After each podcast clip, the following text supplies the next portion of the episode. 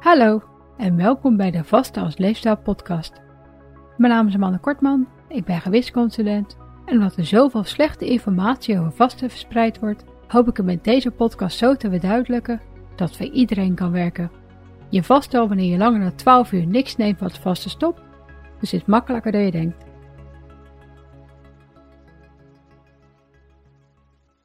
Welkom bij deel 2 van aflevering 30. Ik heb deze aflevering helaas vanwege mijn hooikortsklachten moeten splitsen. En in deel 1 heb ik besproken wat koolhydraten zijn, waarom vezels belangrijk zijn en waarom je gefermenteerd voedsel wilt toevoegen aan je eetpatroon. In deze aflevering bespreek ik waarom koolhydraten een slechte naam hebben en hoeveel je ervan nodig hebt. Koolhydraten hebben dus al jaren een slechte naam. En de hoofdreden is dat ze grotendeels in suikers worden omgezet, zoals ik ook in deel 1 heb besproken.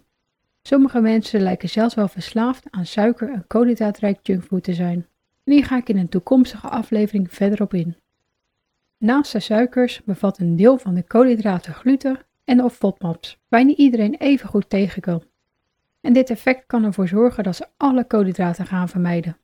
Maar, zoals je in deel 1 al hoorde, bevatten de langzame koolhydraten ook de superbelangrijke vezels en zijn ze goede bronnen van vitamines en mineralen.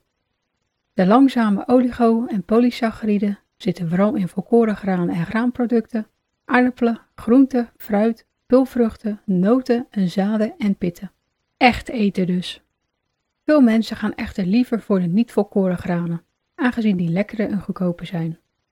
Helaas komt dit dat de vezels, vitamine en mineralen er grotendeels uitgesloopt zijn, waardoor er alleen nog maar een vezelarme bloem overblijft, die heel erg makkelijk en dus snel tot suiker omgezet wordt in ons lichaam. Bloem blijft lang goed en je maakt er heerlijke luchtige producten mee. Maar je lichaam heeft er eigenlijk niks aan. En hoe makkelijker koolhydraten omgezet worden in suiker, hoe meer insuline ons lichaam moet aanmaken om het overtollige suiker in ons bloed te verwijderen. Het doet dit door het als glucose, of eigenlijk glycogeen, in onze lever en spieren als korte termijn reservebrandstof op te slaan. Zijn deze vol en ben je nog niet klaar met eten? Dan wordt de rest in de vorm van lichaamsvet als lange termijn brandstofvoorraad opgeslagen, waar we tijdens bittere tijden of tijdens het vasten gebruik van kunnen maken. Helaas maken velen nooit gebruik van deze reservevoorraad en zorgen de obesogene omgeving, lagere prijs van ongezond voedsel en leugenachtige verpakkingen ervoor dat velen vooral voor vezelarme producten gaan, die dus heel makkelijk als lichaamsvet opgeslagen worden en maar amper vullen. Hierdoor krijg je snel weer honger en overeet je je makkelijk, waardoor de kans op obesitas vergroot. Luister aflevering 26 nog een keer als je niet meer precies weet wat de obesogene omgeving is. Ga je voor de vezelrijke producten die zoveel mogelijk in hun natuurlijke vorm zijn en dus ook nog de vitamines en mineralen bevatten, dan zullen deze veel beter vullen, doordat ze langzaam bewerkt worden en je vitamine en mineralenvoorraden ook weer aangevuld worden. Hierdoor is de kans een stuk kleiner dat je je zal overeten en je lange termijn voorraad extra aanvult. Wist je trouwens dat zetmeelrijke koolhydraten, zoals aardappelen, rijst en pasta, moeilijker opneembaar worden als je je na het koken laat afkoelen? Het zetmeel wat hierin zit verandert namelijk deels in resistent zetmeel. Dit gedraagt zich hetzelfde als voedingsvezels. Hierdoor worden deze koolhydraten vezelrijker en zullen ze beter vullen en langzamer opgenomen worden. Er is geen probleem als je je hierna weer opwarmt, want het zal niet terug veranderen in normaal zetmeel. Al met al is het te simpel om te zeggen dat koolhydraten verkeerd zijn, omdat ze uiteindelijk in suikers worden omgezet. De enige koolhydraten die je echt wilt minderen, zijn daarom de snelle, die je vooral kan terugvinden in snoep, snacks, junkfood en natuurlijk in heel veel dranken. Dit noemen ze ook wel de lege calorieën, doordat ze amper vitamines, mineralen en vezels bevatten en eigenlijk alleen maar calorieën zonder toegevoegde waarde. De meest schadelijke vormen van lege calorieën zijn suikerrijke dranken, zoals normale frisdrank, maar ook bijvoorbeeld een glaasje sinaasappelsap. Deze laatste is namelijk veranderd van een paar vezelrijke sinaasappels in een suikerrijke drank. Beide bevat zo'n 30 gram fructose, maar als je drie sinaasappels eet, zit je makkelijk een kwartier te eten. Bevat ze ook zo'n 7,5 gram vezels en zit je voorlopig al even vol, als je de sinaasappels al wegkrijgt. Maak je van diezelfde sinaasappels een glas sinaasappelsap of neem je een glas frisdrank, dan drink je deze zo leeg en heb je binnen de kortste keren weer honger, dat je lichaam de vezels mist en extra veel insuline heeft moeten aanmaken om de nu schadelijke hoeveelheid suikers zo snel mogelijk uit je bloed te halen.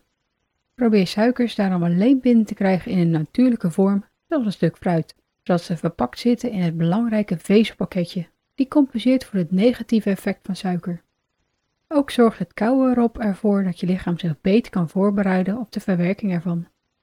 Voor je tanden maakt het trouwens niet heel veel uit in welke vorm de suikers komen. En je kunt fruit bijvoorbeeld het beste aan je maaltijd toevoegen, aangezien je tanden dan toch al belast zijn door de suikers en zuren uit je maaltijd. Voor je tanden en gewicht is het natuurlijk sowieso beter om zo min mogelijk eetmomenten te hebben, zodat je lichaam tussendoor rust heeft om alles te verwerken. Twee of drie maaltijden binnen 12 uur is dan ook iets wat ik iedereen aanraad. Lees mijn blog Tips om suiker te minderen trouwens eens door, voor de namen van de verschillende soorten suikers, zodat je ze beter kunt herkennen. Vezelarme varianten van bijvoorbeeld brood, rijst en pasta zijn eigenlijk net zo slecht voor ons lichaam als suikerrijke dranken. Denk maar aan wit brood waarvan je makkelijk vier sneetjes neemt en dit een uur later kan herhalen. Ga je voor vier sneetjes volkoren brood, dan zou je een uur later nog hartstikke vol zitten. Je kunt de opname van suikers trouwens flink verlangzamen door ervoor te zorgen dat de rest van je maaltijd genoeg vezels, vetten en eiwitten bevatten. Dus als je echt geen afscheid kunt nemen van je witte boterham, dan helpt het door het te beleggen met bijvoorbeeld een gebakken eitje en door er ook een vezelrijke salade en glas karnemak bij te nemen. Het is natuurlijk nog beter om over te gaan op volkoren brood en je favoriete witte brood te bewaren voor speciale gelegenheden. Zo verhongeren de goede darmbacteriën niet die volkorenbrood goed kunnen verteren en zal je extra van het witte brood genieten doordat het speciaal wordt. Naast het effect van de snelwerkende suikers die de bewerkte en simpele koolhydraten bevatten, kunnen de FODMAPs en gluten die koolhydraten bevatten ook een probleem zijn. FODMAP is de afkorting voor fermenteerbare, oligosaccharide, disaccharide, monosaccharide en polyolen. En als je in deel 1 goed hebt geluisterd, dan zou je de namen wel herkennen, als een vezelsoort en verschillende soorten koolhydraten. Gluten daarentegen zijn juist eiwitten, maar die komen alleen voor in de graansoorten tarwe, spelt, gerst en rogge en alles wat ermee gemaakt is en direct aan verwant is. Lees mijn blog over gluten eens door voor de volledige lijst. Je kunt natuurlijk ook allergisch zijn voor bepaalde koolhydraten of gluten. Zowel FODMAPs op lactose na als gluten komen alleen voor in koolhydraten. Dus als je gevoelige darmen hebt, of zelfs auto-immuunziekte celiakie hebt, dan snap ik wel dat mensen daardoor gaan of zelfs moeten vermijden. Ik wil je alleen afraden om alle koolhydraten te vermijden.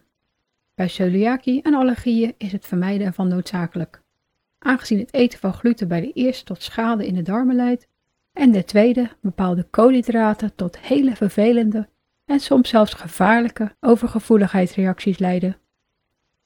Gelukkig zijn er nog genoeg koolhydraten die je wel kunt eten, zolang je geen last hebt van gevoelige darmen. Op welke FODMAPs en porties ervan je reageert is namelijk erg persoonlijk. Ik wil je dan ook weer aanraden om die goed uit te laten zoeken met behulp van een gespecialiseerde diëtist, zoals ik in aflevering 28 heb besproken. Als je namelijk het idee hebt dat je overal op reageert en alles gaat vermijden, wordt je eetpatroon wel heel erg beperkt. En vaak helpt het al om de grootste boosdoening te minderen. Hierdoor blijven dan toch nog genoeg koolhydraten over, waar je van kunt genieten, voorkom je tekorten en houd je darmbacteriën blij. De langzame koolhydraten zijn tenslotte hartstikke gezond. En vanuit puur gezond raden we aan om ongeveer 40% van je voeding uit deze koolhydraten te laten bestaan. Omdat we er zoveel van nodig hebben, worden koolhydraten dan ook wel een macrovoedingsstof genoemd. Macro is Latijns voor groot en we hebben er dus een relatief grote hoeveelheid van nodig. Het voedingscentrum raadt een maximale hoeveelheid van 70% aan. Maar de hoeveelheid vetten en eiwitten wordt dan wel erg laag. Dus ik zou het bij hooguit 60% houden, zodat je ook nog 20% vetten en eiwitten binnenkrijgt. Deze macrovoedingsstoffen heb je ook hard nodig, zoals ik in de volgende voedingsstoffenafleveringen zal bespreken. Als je wilt afvallen, kan het nuttig zijn om je hoeveelheid koolhydraten wat te verlagen. Vooral als je diabetes hebt maar ook als je net als mij niet genoeg kan bewegen en wanneer je net begint met vasten, zodat je sneller bij de gewenningsfase bent, zoals ik in aflevering 9 heb uitgelegd. Het eten van minder koolhydraten zorgt er tenslotte voor dat je bloedglucosespiegel stabieler blijft en er daardoor minder snel lichaamsvet opgeslagen wordt. Ik zou op lange termijn echter niet lager gaan dan een gemiddelde van 50 gram per dag. Als je standaard lager gaat, wordt het tenslotte erg lastig om aan de minimale hoeveelheid van 30 gram vezels te komen. 50 gram koolhydraten is ongeveer 10% op 200 calorieën. En hoewel calorieën niet kloppen, zoals ik in aflevering 29 heb uitgelegd, kan het wel interessant zijn om je voedingsstoffen eens een week bij te houden. Zoals ik ook heb gedaan voor deze voedingsstoffenafleveringen. Ik zit gemiddeld nog steeds op zo'n 30% koolhydraten. En ik eet glutenarm, vermijd deels een paar FODMAP-rijke voedingsmiddelen waar ik op reageer. Volg het 18-6 en kom toch makkelijk aan 30 gram vezels per dag. Het hoeft niet moeilijk te zijn om voldoende vezels binnen te krijgen als je er een beetje op let. En zie je er bijvoorbeeld al aan als je een portie van mijn vegetarische chili eet. Er wordt nog wel eens gezegd dat we helemaal geen koolhydraten nodig hebben, aangezien onze lever de voor onze hersenen benodigde glucose kan aanmaken. Er zijn dan ook wereldwijd mensen die al jarenlang vermijden en daardoor altijd in ketose zijn. Maar als je de studies bekijkt, zie je wel dat ze hierdoor op lange termijn koolhydraatintolerant worden en dat hun darmmicrobioom erg eenzijdig wordt, met maar weinig soorten darmbacteriën, terwijl we er eigenlijk zoveel mogelijk willen hebben. Zo kan je alles namelijk zo goed mogelijk verteren. Ook wil je metabolisch flexibel blijven, zoals ik in aflevering 16 al heb besproken, en niet altijd in ketose zijn. Focus daarom liever op het balans tussen in ketose zijn door goed te vasten en uit ketose gaan tijdens je eettijd, zodat je lichaam optimaal blijft functioneren. Hoe goed altijd in ketose zijn dan ook kan voelen, zou het alleen op lange termijn doen vanwege medische redenen, zoals moeilijk behandelbare epilepsie. Heb je alleen darmproblemen? Laat celiakie en allergieën dan uitsluiten en zoek een gespecialiseerde FODMAP-diëtist. Zo kan je op een verstandige wijze en met zo min mogelijk buikklachten de meerderheid van de koolhydraten weer langzaam introduceren. Ook diabetes betekent trouwens niet dat je koolhydraatarm hoeft te eten. Vooral in overleg met een diëtist kunnen veel diabeten langzaam maar zeker meer koolhydraten herintroduceren dan ze denken, zonder dat ze hun medicatie hoeven te verhogen. En over langzaam introduceren gesproken. Dit geldt ook voor vezels als je nu vezelarm eet. Word niet te enthousiast en laat mijn chili nog even staan als je er niet aan gewend bent. Dan eindig je alleen maar met buikklachten en hangt je deken vannacht tegen het plafond vanwege de vele gassen die je dan produceert. Geef je darmbacteriën zo'n maand de tijd om zich te vermenigvuldigen en ga stapsgewijs vezelrijke eten. Vervang bijvoorbeeld wekelijks iets vezelarms voor iets vezelrijks. Dit kan ook in stapjes. Als je nu bijvoorbeeld altijd witte rijst eet, dan kan je de volgende keer dat je het neemt 25% ervan vervangen met zilvervliesrijst. Dit misschien nog een keer herhalen en daarna overgaan op 50, 75 en 100% zilvervliesrijst, zodat in ieder geval het pak witte rijst op is. Het is tenslotte zonde weg te gooien. Hetzelfde kan je doen met brood, pasta, groente, fruit en pulvruchten. Vooral pulvruchten kan je trouwens het beste langzaam introduceren. Ze bevatten tenslotte heel veel vezels, dus bouw ze bijvoorbeeld op met 50 gram per week, zodat je in ieder geval aan de aanbevolen 200 gram per week komt. Je kunt pulvruchten uitstekend invriezen, dus maak kleine porties, zodat je telkens wat aan je maaltijden kunt toevoegen en je er zonder al te veel gasvorming aan kan wennen. Probeer ook verschillende uit. En het is sowieso een mooi streven om aan je variatie wat betreft alle planten te werken.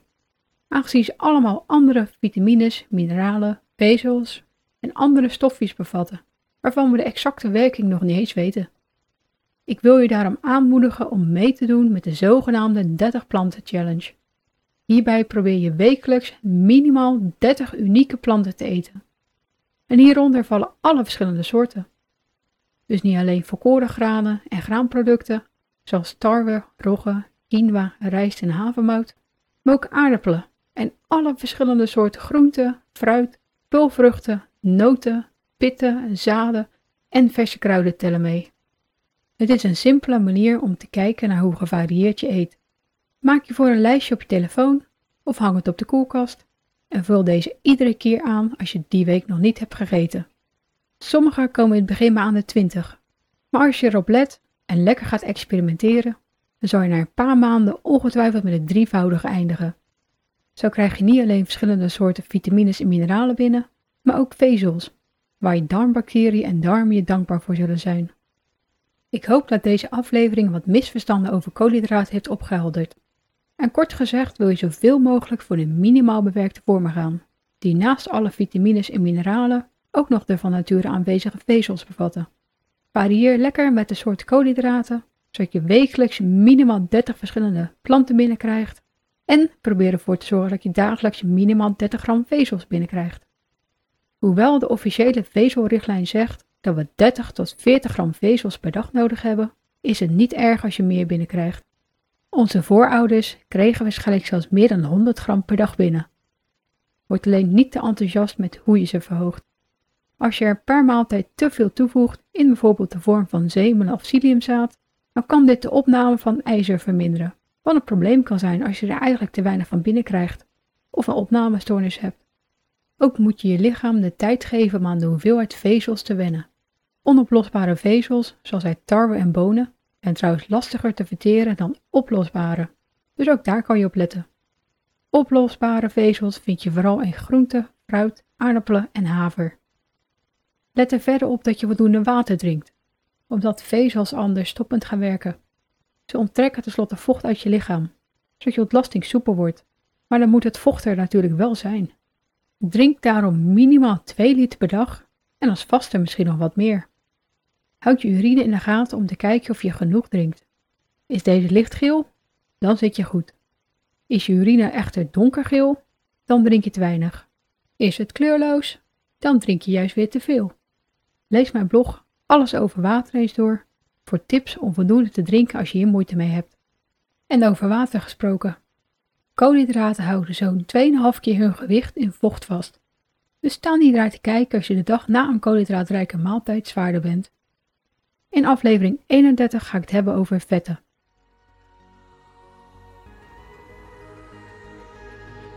Bedankt voor het luisteren en vergeet niet dat je de onderwerpen en bronnen altijd in de omschrijving van de aflevering kunt vinden. Weet je niet zeker of sommige tips of adviezen ook voor jou geschikt zijn? Bespreek ze dan natuurlijk altijd met je arts. Heb je nog vragen of opmerkingen? Of heb je behoefte aan persoonlijke begeleiding? Kijk dan op valerien.nl voor meer informatie.